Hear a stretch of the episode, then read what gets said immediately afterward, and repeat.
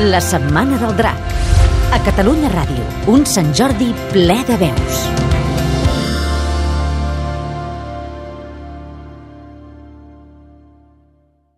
Un ratolí de ciutat va anar a veure un altre ratolí amic seu que vivia al camp.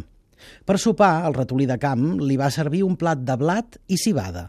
El ratolí de ciutat, sorprès per l'austeritat d'aquelles menges, va dir «Has de reconèixer, amic, que menges com les formigues. Mira'm a mi, estic gros i refet gràcies a l'exquisitesa dels meus àpats. Si vens a casa meva, menjaràs de tot i viuràs com un rei». El ratolí de camp va acceptar la invitació del seu amic i van marxar tots dos cap a la ciutat. El ratolí de ciutat va presentar una taula plena de llegums, de blat, de dàtils, mel, formatge i tota mena de fruites al seu amic. El ratolí de camp no se'n sabia venir i va començar a envejar la vida regalada del seu amic.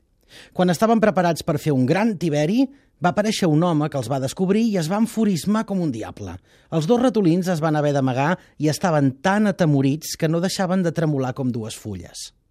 Aleshores el ratolí de camp, aguantant-se la gana, va dir al seu amic «Mira, disfruta tu, amic, de tot aquest menjar tan saborós que jo me'n torno al camp. Continuaré menjant blat i cibada, però tindré la seguretat d'una vida tranquil·la».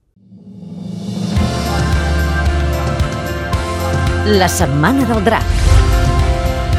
Un Sant Jordi ple de veus.